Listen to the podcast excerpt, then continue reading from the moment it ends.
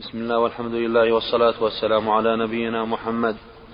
قال الإمام مسلم رحمه الله تعالى وحدثني الحكم بن موسى أبو صالح قال حدثنا شعيب بن إسحاق قال أخبرنا عبيد الله عن نافع أن عبد الله بن عمر رضي الله عنهما أخبره أن رسول الله صلى الله عليه وسلم أتي بيهودي ويهودية قد زنيا فانطلق رسول الله صلى الله عليه وسلم حتى جاء يهود فقال ما تجدون في التوراة على من زنى؟ قالوا نسود وجوههما ونحملهما ونحملهما ونخالف بين وجوههما ويطاف بهما. قال فأتوا. قال فأتوا بالتوراة. فقال فأتوا بالتوراة إن كنتم, إن كنتم صادقين. فجاءوا بها فقرأوها حتى إذا مروا بآية الرجم. وضع الفتى الذي يقرأ يده على آية الرجم. وقرأ ما بين يديها وما وراءها فقال له عبد الله بن سلام وهو مع رسول الله صلى الله عليه وسلم مروا فليرفع يده فرفعها فإذا تحتها آية الرجم فأمر بهما, فأمر بهما رسول الله صلى الله عليه وسلم فرجما. قال عبد الله بن عمر كنت في من رجمهما فلقد رأيتهما فلقد رأيته يقيها يقيها من الحجارة بنفسه وحدثنا زهير بن حرب قال حدثنا إسماعيل يعني ابن علية عن أيوب حاء وحدثني أبو الطاهر قال أخبرنا ابن عبد الله بن وهب قال أخبرني رجال من أهل العلم منهم مالك وأنس أن نافعا أخبرهم عن ابن عمر رضي الله عنهما أن رسول الله صلى الله عليه وسلم رجم في الزنا يهوديين رجلا وامرأة وامرأة زنيا فأتت اليهود إلى رسول الله صلى الله عليه وسلم بهما وساقوا الحديث بنحوه وحدثنا أحمد بن يونس قال حدثنا زهير قال حدثنا موسى بن عقبة عن نافع عن ابن عمر رضي الله عنهما أن اليهود جاءوا إلى رسول الله صلى الله عليه وسلم برجل منهم وامرأة قد زنيا وقد ساق الحديث بنحو حديث عبيد الله عن نافع بنحو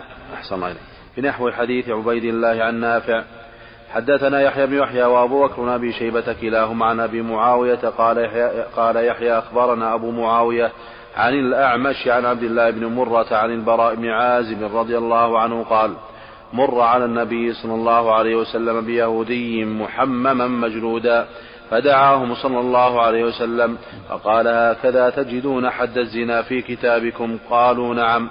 فدعا رجلا من علمائهم فقال أنشدك بالله الذي أنزل التوراة على موسى هكذا تجدون حد الزنا في كتابكم؟ قالوا لا. قال لا. ولولا أنك نشدتني بهذا لم أخبرك. تجده نجده الرجم ولكنه كثر في أشرافنا. فكنا إذا أخذنا الشريف تركناه وإذا أخذنا الضعيف أقمنا عليه الحد. قلنا تعالوا فلنجتمع على شيء نقيمه على الشريف والوضيع.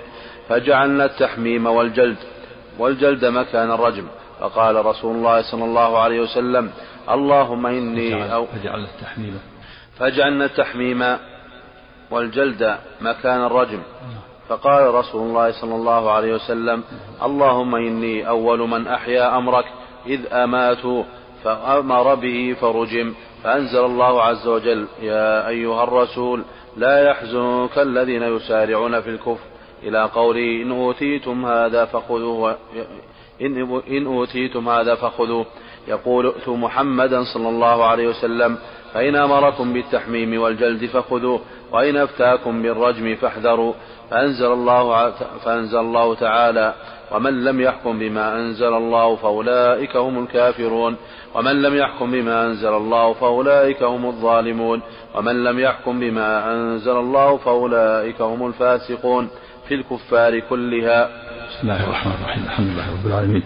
صلى الله وسلم وبارك على عبد الله ورسوله نبينا محمد وعلى آله وصحبه أجمعين. أما بعد فهذا الحديث في رجم الزانيين دليل على أن الرجم مما اتفقت فيه التوراة مع القرآن العظيم وأن الرجم موجود في في التوراة وموجود في في القرآن العظيم. وفي دليل على صحة نكاح الكفار لأنه لو لم يصح ولو لم يصح نكاحهم لما صح إحصانهم ولو لم يصح إحصانهم لما لما جاز رجمهم. فإن الرجم إنما يكون للمحصن والمحصن هو الذي تزوج في نكاح صحيح. دل على أن نكاح الكفار نكاح الكفار صحيحة. ولهذا لما أسلم الكفار في في فتح مكة أقر النبي صلى الله عليه وسلم الكفار على على نكاحه بقي أقروا على نكاحهم على ما كانوا عليه. دل على صحة نكاح الكفار وصحة إحصانه. ويدل على أن الكفار مخاطبون بفروع الشريعة. وهي مسألة خلافية بين العلم هذا أصح قول العلماء. وفيه دليل على أن الكفار إذا ترافعوا إلينا نحكم عليهم نحكم عليهم بشريعتنا. فإذا ترافع الكفار أهل الذمة كانوا تحت الدولة الإسلامية ترافعوا إلى المسلمين فإنه يحكم عليهم بالشريعة. وفيه خبث اليهود حيث غيروا حكم التوراة. حتى أمام النبي صلى الله عليه وسلم. كان الفتى يقرأ فلما وصل آية الرجم وضع يده على آية الرجم وقرأ ما قبله وما بعدها. هذا من جحدهم وكتمانهم للحق حتى أمام النبي صلى الله عليه وسلم. ولهذا قيل له ارفع يدك. في اللفظ الآخر أن عبد الله بن سلام كان حاضرا. هم عبد الله بن سلام الإسرائيلي وقد أسلم. قال يا رسول الله أن يرفع يده. فرفع يده فإذا آية الرجم تلوح. وفيه دليل على أن اليهود أماتوا أمر الله عز وجل ولهذا قال اللهم إني أول من أحيا أمرك إذ أماتوه. لأن الله أمر بالرجم هذا أمر من الله تعالى الرجم. قد أماته اليهود. وفيه بيان سبب تركهم الرجم أنه كثر الزنا في أشرافهم فكانوا يتركون فلا يقيمون الحد على الشريف. ويقيمون الحد على الضعيف. وهذا سبب هلاكهم. كما ثبت في حديث النبي صلى الله عليه وسلم قال إنما أهلك من كان قبلكم أنهم كانوا إذا سرق, سرق فيهم الشريف تركوه. وإذا سرق فيهم الضعيف أقاموا عليه حد.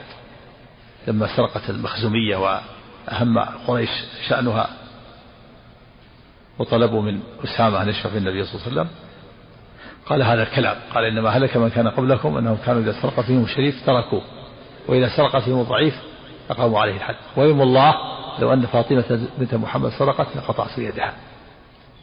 فهذا سبب هلاكهم. فلما كثر الزنا في أشرافهم ولا يريدون أن يقيموا الحد على الأشراف ويقيموا الحد على الضعيف قالوا هلم إلى شيء نقيمه على الشريف والضعيف؟ فغيروا فصاروا يسودون وجوههم ويحملونهم و ويخافون وجوههم ويجلدونهم. فكان إذا سرق إذا زنى فيهم الزاني سودوا وجهه يعني أتوا بالفحم وطلوا وجهه بالسواد ويحملونهم وفي لفظ يجملونهم يحملونهم يحملونهم على الحمل ويجملونهم على الجمل ويخالفون بين وجوههم. يجعل وجهه إلى إلى دور الدابة. يخالفون بين وجوههم ويدورون بهم في الأسواق ويجلدونهم ويكتبون بهذا على الرجل وفي لفظ يحممون يحممون يعني يا يصفعون وجوههم بالحمم وهو الفحم. فصاروا إذا زنى فيهم إذا زاني يطرون وجوهه بالفحم ويركبون على دابة ويخالفون وجهه يجعلون وجهه إلى ظهر الدابة ويدورون في الأسواق ويجلدونه ويكتفى بهذا. غيروا أمر الله. وفي أن هذه الآيات نزلت في أهل الكتاب. ومن لا يحكم ما أنزل الله فأولئك هم الكافرون. ومن لا يحكم ما أنزل الله فأولئك هم الظالمون. ومن لا يحكم ما أنزل الله فأولئك هم الفاسقون. ولكن حكمها عام. القاعدة الأصولية عند أهل العلم أن العبرة بعموم اللفظ لا بخصوص السبب. فهي وإن كانت في أهل الكتاب إلا أنها عامة. ومن لم يحكم بما أنزل الله يصب بالكفر والفسق والظلم. على تفصيل في في الكفر هل هو أكبر أو أصغر وكذلك الظلم والفسق. على تفصيل معروف بين أهل العلم. نعم. حسن كيف يجمع بين ذهب إليهم وفي رواية أخرى قال أتوا إليه؟ محتمل محتمل أنه أنه أنه أمر أمرهم بأن يأتوا إليه ثم أتوا إليه. نعم. حدثنا ابن نمير وابو سعيد أو أنهم ذكروا له ثم أتى إليهم عليه الصلاة والسلام. نعم. ذكروا له أولا أنهم سيأتون ثم أتى إليهم. نعم. حدثنا ابن نمير وابو سعيد الأشج قال حدثنا وكيع قال حدثنا أعمش بهذا الإسناد نحوه. إلى قوله فأمر به النبي صلى الله عليه وسلم فرجم ولم يذكر ما بعده من نزول الآية. وحدثني هارون بن عبد الله قال حدثنا حجاج بن محمد قال قال ابن جريج أخبرني أبو الزبير أنه سمع جابر بن عبد الله رضي الله عنهما يقول رجم النبي صلى الله عليه وسلم رجلا من أسلم ورجلا من اليهود وامرأته. حدث نعم يعني يعني المرأة التي زنى بها ليس المراد فالرجم موجود في شريعة التوراة كما هو موجود في القرآن هذا ما توافقت في الكتب المنزلة. نعم.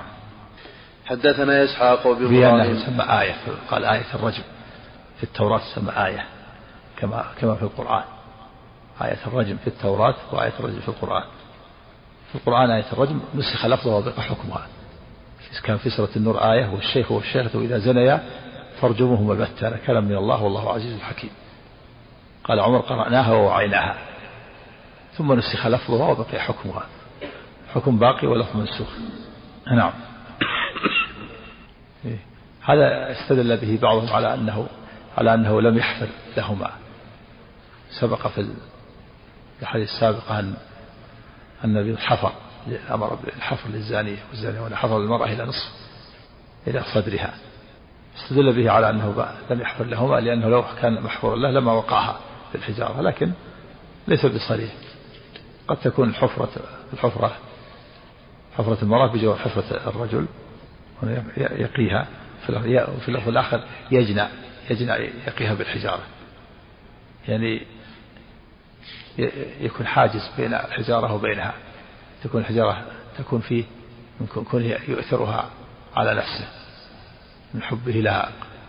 يجنى حتى في وقت الموت يجنى بالحجارة يعني يميل عليها حتى يصد الحجارة عنها فتكون تصيبه ولا تصيبها. نعم. ولا تصيبها. نعم. حدثنا إسحاق ابن, ابن إبراهيم قال أخبرنا روح بن عبادة قال حدثنا ابن جريج بهذا الإسناد مثله غير أنه قال وامرأة. وحدثنا أبو كامل الجحدري قال حدثنا عبد الواحد قال حدثنا سليمان الشيباني قال سألت عبد الله بن أبي أوفى حاء وحدثنا أبو بكر بن أبي شيبة واللفظ له. قال حدثنا علي بن مسهر عن أبي إسحاق الشيباني. قال سألت عبد الله بن أبي أوفى رضي الله عنه هل رجم رسول الله صلى الله عليه وسلم؟ قال نعم. قال قلت بعدما أنزلت سورة النور أم قبلها؟ قال لا أدري. وحدثني عيسى بن حماد المصري. قال أخبرنا الليث عن سعيد بن أبي سعيد عن أبيه عن أبي هريرة رضي الله عنه أنه سمعه يقول سمعت رسول الله صلى الله عليه وسلم يقول إذا زنت أمة أحدكم فتبين زناها فليجلدها الحد ولا يثرب عليها ثم إن زنت فليجلدها الحد ولا يثرب عليها ثم إن زنت الثالثة فتبين زناها فليبعها ولو بحبل من شعر. نعم حبل من شعر.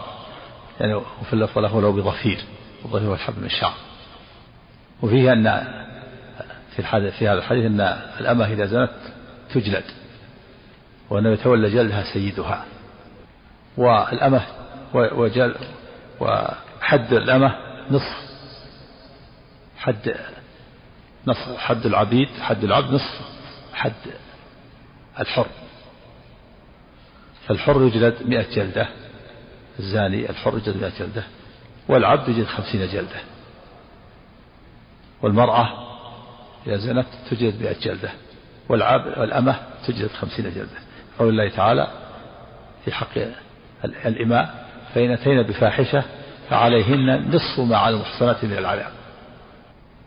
وذلك لأن الإماء أقل حالا من الأحرار في تحملهن ولأن العيب في حق الحر أشد والذنب.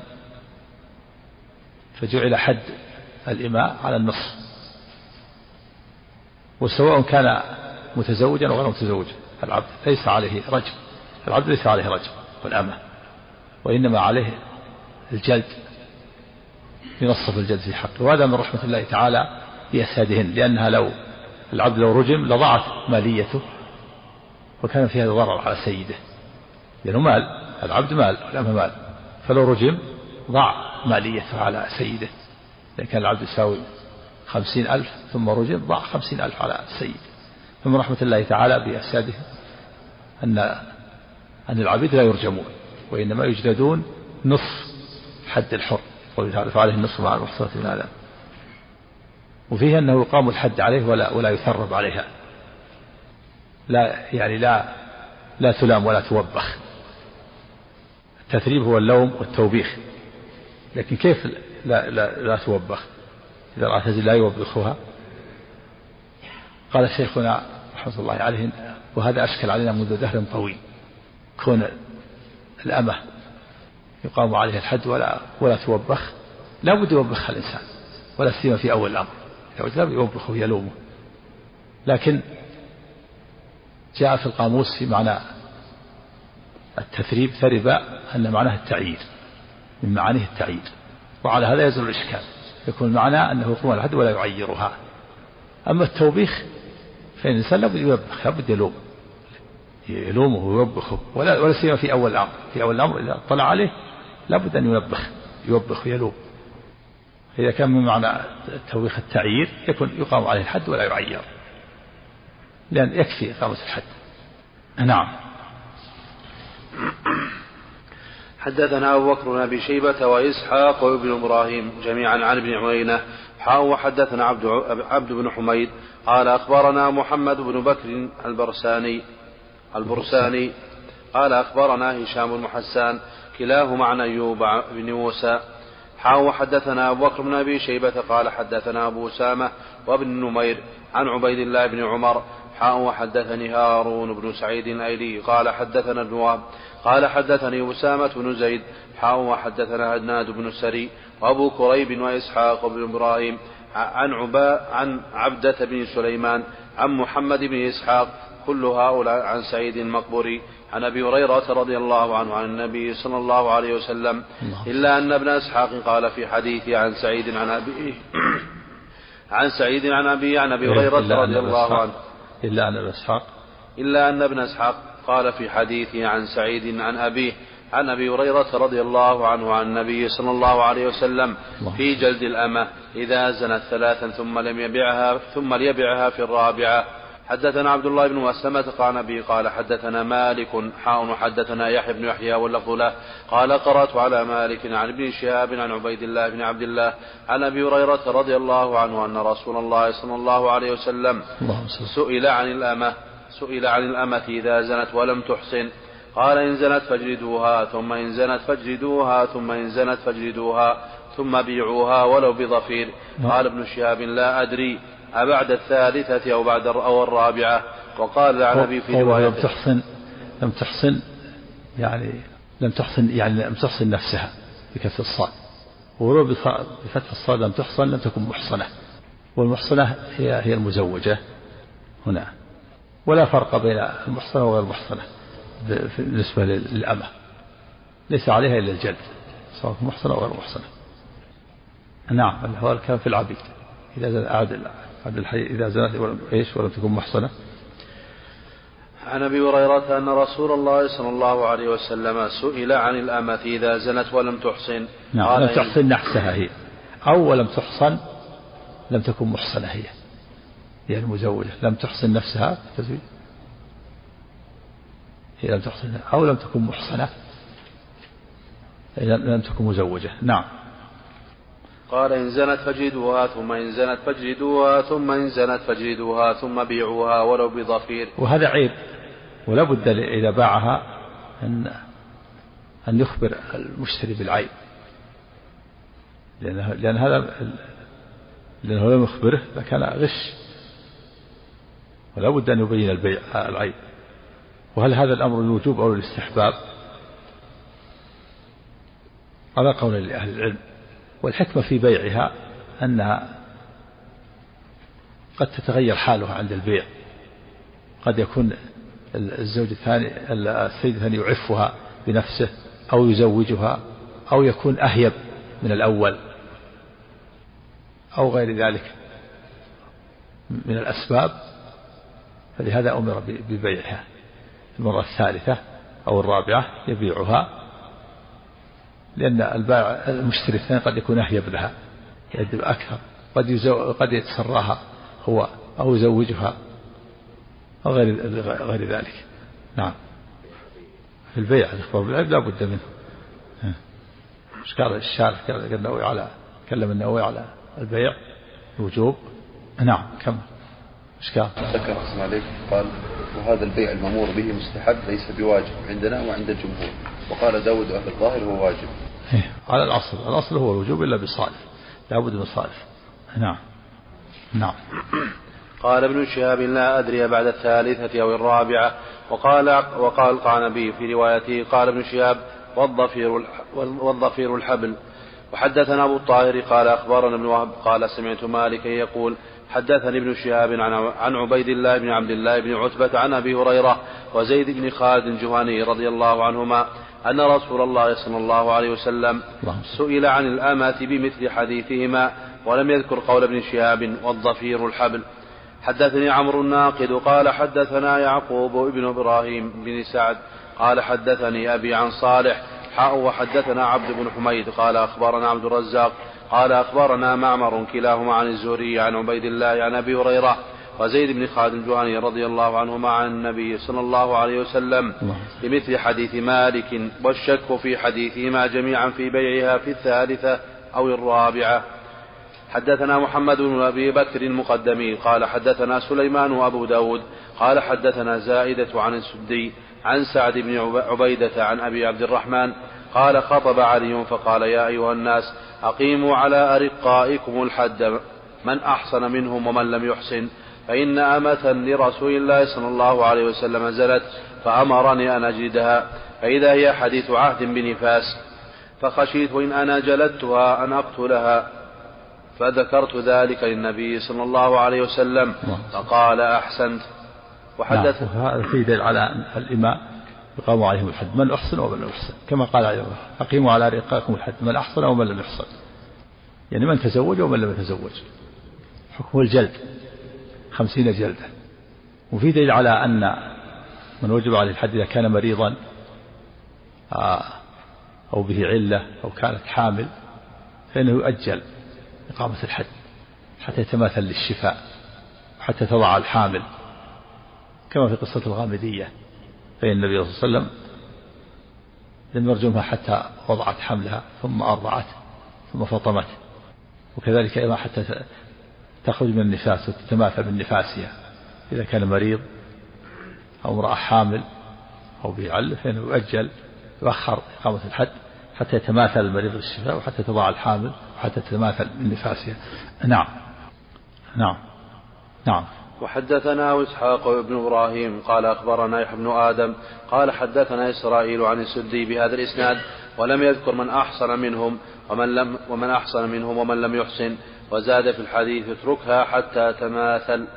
حدثنا محمد مثنى ومحمد بن بشار قال حدثنا محمد بن جعفر قال حدثنا شعبة قال سمعت قتادة يحدث عن أنس بن مالك رضي الله عنه أن النبي صلى الله عليه وسلم أتي برجل قد شرب الخمر فجلده بجريدتين نحو أربعين قال وفعله أبو بكر.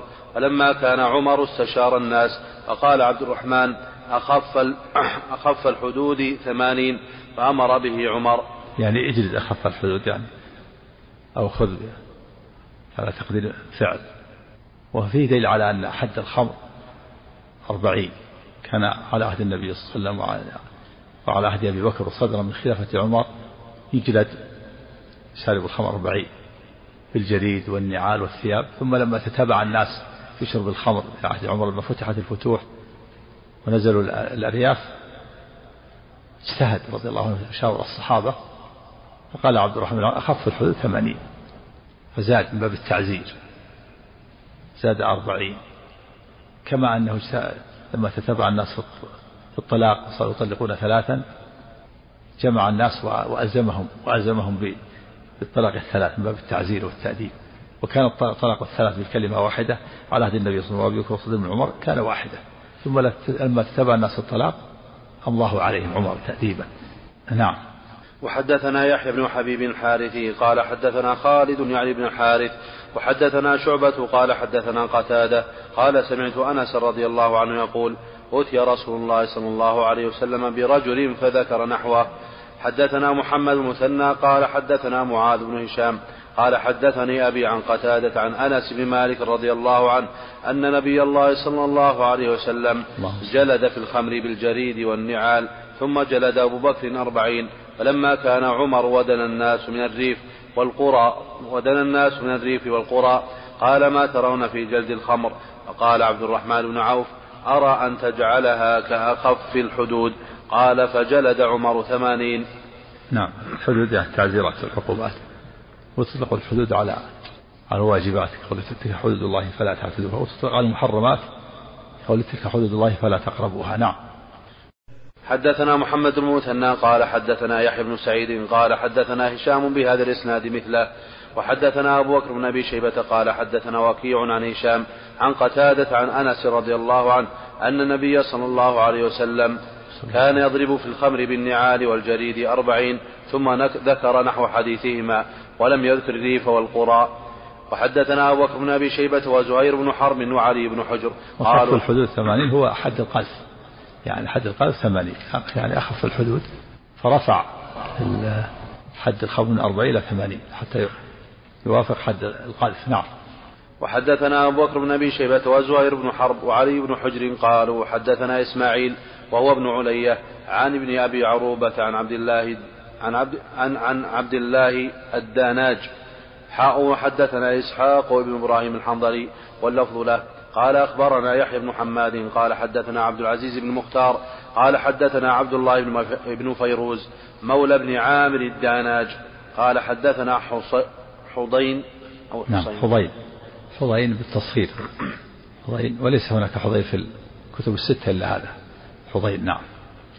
قال حد حدثنا حضين بن منذر أبو ساسان قال شهدت عثمان بن عفان وأتي بالوليد قد صلى الصبح ركعتين ثم قال أزيدكم فشهد عليه رجلان أحدهما حمران أنه شرب الخمر وشهد آخر أنه رآه يتقيأ فقال عثمان إنه لم يتقيأ حتى شربها فقال يا علي قم فاجلده فقال علي قم يا حسن فاجلده فقال حسن ول حارها من تولى قارها فكأنه وجد عليه.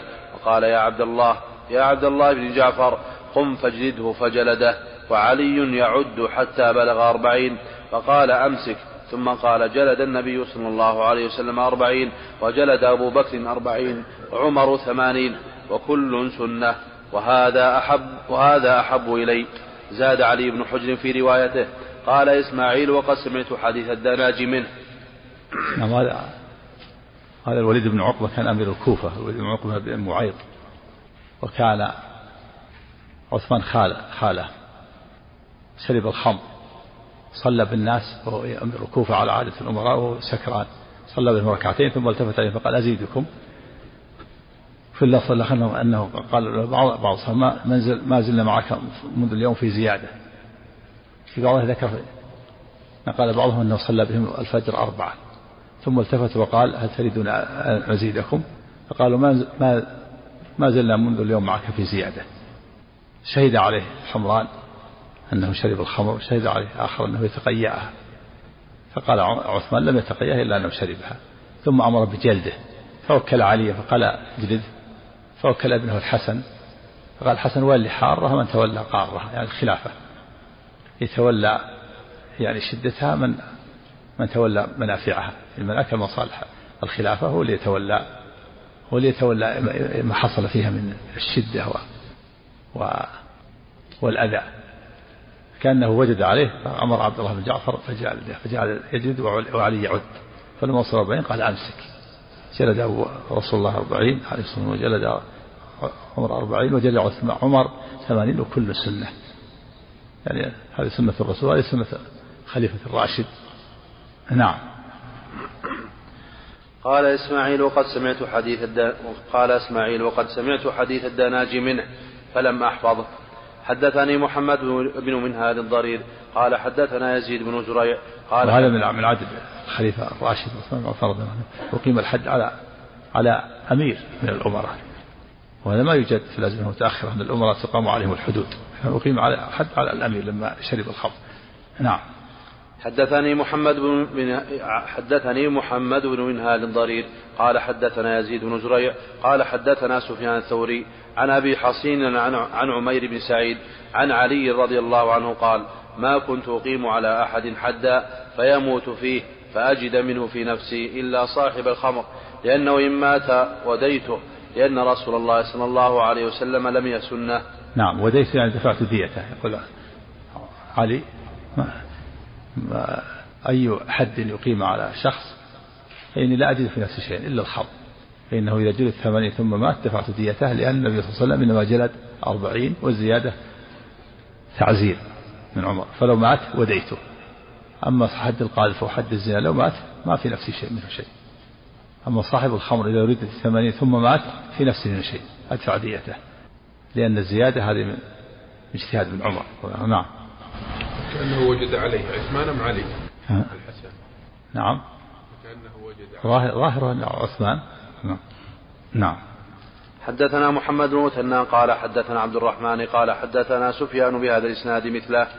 حدثنا أحمد بن عيسى قال حدثنا ابن وهب قال أخبرني عمرو بن بكير بن الأشج قال بينا نحن عند سليمان بن يسار إذ جاءه عبد الرحمن بن جابر فحدثه فأقبل علينا سليمان فقال حدثني عبد الرحمن بن جابر عن ابيه عن أبي بردة الأنصاري رضي الله عنه أنه سمع رسول الله صلى الله عليه وسلم يقول لا يجلد أحد فوق عشرة أسواط إلا في حد من حدود الله.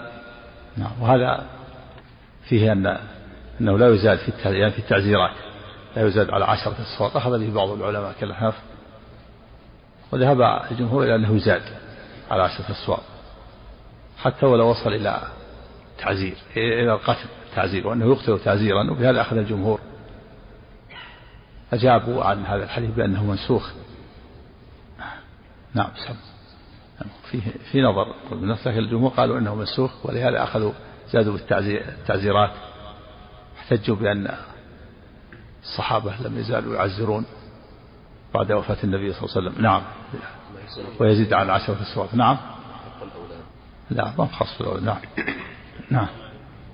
نعم. في الرابع في العام هذا. في بعض جاء في بعضها إذا شرب الرابع فاقتلوا جمهور على أنه منسوخ. قتل قتل في الرابع. نعم. أحسن الله عليك. نعم. حدثنا نعم. يحيى بن يحيى التميمي وأبو بكر بن أبي شيبة وعمر الناقد وإسحاق بن إبراهيم وابن نمير. كلهم عن ابن عيينة واللفظ لعمر قال حدثنا سفيان بن عيينة عن الزهري عن أبي إدريس عن عبادة بن الصامت رضي الله تعالى عنه قال كنا مع رسول الله صلى الله عليه وسلم في مجلس فقال تبايعوني على أن لا تشركوا بالله شيئا ولا تزنوا ولا تسرقوا ولا تقتلوا النفس التي حرم الله إلا بالحق. فمن وفى منكم فأجره على الله ومن أصاب شيئا من ذلك فعوقب به فهو كفارة له. ومن أصاب شيئا من ذلك فستره الله عليه فأمره إلى الله إن شاء عفا عنه وإن شاء عذبه. حدثنا عبد بن حميد. نعم هذه البيعة التي أخذ النبي على, على الرجال هي البيعة التي أخذها على النساء. قوله تعالى يا أيها النبي إذا جاءك المؤمنات يبايعنك على لا يشركن بالله شيئا ولا يسرقن ولا يزنين ولا يقتلن أولادهن ولا يأتين ببهتان. أخذها على الرجال لا لا يشركوا بالله شيئا ولا يزنوا ولا يسرقوا. فمن وفى فأجره على الله. يعني تم أجره على الله. ومن أصاب من ذلك شيئا فعل الزنا والسرقة فعوقب به فهو كفارة له. في دليل على أن الحدود كفارة. صريح. لأن الحدود كفارة. من زنا ثم أقيم على الحد إقامة الحد يكفر ذنبه. من قذف ثم أقيم عليه الحد يكفر ذنبه. فالحدود كفارات والتوبة كفارة. يمحو الله بها الذنب وكذلك التوبة. ومن أصاب من ذلك شيئا ولم يؤخذ قال فأمره إلى الله. إن شاء عذبه وإن شاء عفى عنه في دليل على أن ما دون الشرك تحت المشيئة. وهذا ما في قول قوله تعالى إن الله لا يغفر الشرك به ويغفر ما دون ذلك لمن يشاء. نعم. أحسن الله إليك.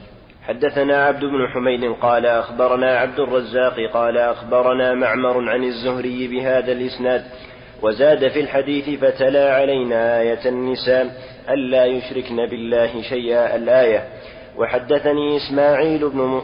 وحدثني إسماعيل بن سالم قال أخبرنا هشيم قال أخبرنا خالد عن أبي قلابة عن أبي الأشعث الصنعاني عن عبادة بن الصامت رضي الله تعالى عنه قال أخذ علينا رسول الله صلى الله عليه وسلم كما أخذ على النساء ألا نشرك بالله شيئا ولا نسرق ولا نزني ولا نقتل أولادنا ولا ولا ولا يعظه بعضنا بعضا. ولا يعظه ولا يعظه ولا يعظه بعضنا بعضا. لا يعظه يعني لا يغتب ولا ينم عليه.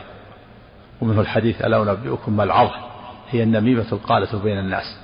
نعم. ولا يعظه بعضنا يعظها معطوف على السائل لا نسرق ولا نعم. ولا يعظها بعضنا بعضا فمن وفى منكم فأجره على الله ومن أتى منكم حدا فأقيم عليه فهو كفار فأقيم عليه فهو كفارته. نعم أتى حدا يعني معصية. أطلق نعم. أو ما يجب ما يجب حد. نعم. عفوا عنك. ومن ستره الله ومن ستره الله عليه فأمره إلى الله إن شاء عذبه وإن شاء غفر له.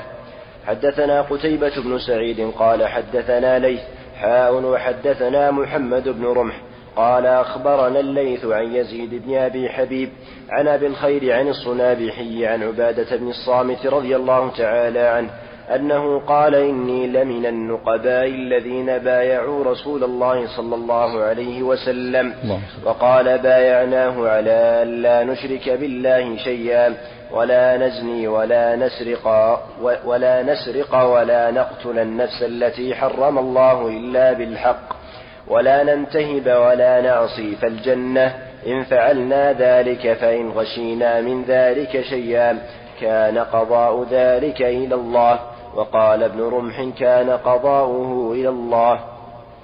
حدثنا يحيى بن يحيى ومحمد بن رمح قال أخبرنا الليث حاء وحدثنا قتيبة بن سعيد قال حدثنا ليث عن ابن شهاب عن سعيد بن المسيب وأبي سلمة عن أبي هريرة رضي الله تعالى عنه عن رسول الله صلى الله عليه وسلم أنه قال: العجماء جرحها جبار والبئر جبار والمعدن جبار وفي الركاز الخمس. وحدثنا يحيى بن يحيى وأبو بكر بن أبي شيبة وزهير بن حرب وعبد الأعلى بن حماد كلهم عن ابن عيينة حاء وحدثنا محمد بن رافع قال حدثنا إسحاق يعني ابن عيسى قال حدثنا مالك كلاهما عن الزهري بإسناد الليث مثل حديثه. وحدثني أبو الطاهر وحرملة قال أخبرنا ابن وهب قال أخبرني يونس عن ابن شهاب عن ابن المسيب وعبيد الله بن عبد الله عن أبي هريرة عن رسول الله صلى الله عليه وسلم بمثله. حدثنا محمد بن رمح بن المهاجر قال أخبرنا الليث عن أيوب بن موسى عن الأسود بن العلاء عن أبي سلمة بن عبد الرحمن عن أبي هريرة رضي الله عنه عن رسول الله صلى الله عليه وسلم أنه قال البئر جرحها جبار والمعدن جرحها جبار والعجماء جرحها جرح جرحها نعم. والمعدن جرحه جبار والعجماء جرحها جبار. وفي الركاز الخمس وحدثنا عبد الرحمن بن سلام الجمحي قال حدثنا الربيع يعني ابن مسلم حاء وحدثنا عبيد الله بن معاذ قال حدثنا أبي حاء وحدثنا ابن بشار قال حدثنا محمد بن جعفر قال حدثنا شعبة كلاهما عن محمد بن زياد عن أبي هريرة عن النبي صلى الله عليه وسلم بمثله. صلى الله عليه وسلم. قال كتاب الأقضية. في هذا الحديث دليل على أن العجماء والمعدن لا إذا حصل فيه شيء فإنه هدر العجماء جرح والعجمة هي الدابة سميت عجمة لأنها تتكلم جرحها جبار يعني ما إذا أصابت أحدا بيدها أو بفمها فإنه هدر ليس فيه دية ولا يطالب فيه أحد. وكذلك المعدن البئر والبئر جرحها جبار يعني التي تحفر ثم يسقط فيها إنسان فإنه هدر ليس فيه دية. وفي الركاز الخمس الركاز ما يوجد من دفن الجاهلية. فإنه إذا وجد ليس ليس علامة أهل الإسلام فإنه يدفع الخبز زكاة لأنه حصل له بغير بغير تعب. والعجمة جرح وجبر إذا لم يكن معها أحد. أما إذا كان معها سائق أو قائد أو راكب فإنه يطالب. يطالب في إذا أصاب إنسان فيكون تكون على العاقلة وإذا قتل الإنسان تكون فيها الكفارة وكذلك البئر إذا حفر في بيته أو في موات فسقط فيها إنسان فليس في اليهودية. أما إذا حفر في طريق الناس فإنه يضمن سقط إنسان يضمن عليه ديته وعليه الكفارة الدية على العاقلة والكفارة في ماله. في الركاز الخمس موجود من دفن الجاهلية. فيه الخمس. نعم. سم. سم. نعم.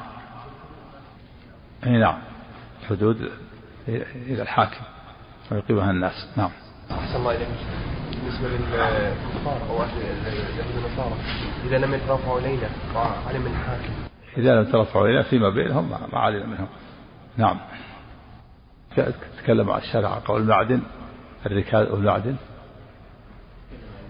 أي مشكلة. قال والمعدن جدار فمعناه أن الرجل يحفر معدنا في ملكه أو في موات فيمر بها مدى فيمر بها فيمر بها نار فيسقط فيها فيموت أو يستأجر أجراء يعملون فيها. يقول العجمة أو جرح وجبار ومعدن الجبار وإيش وفي الركاز الخمس. تكلم. نعم العجمة وقولها نعم.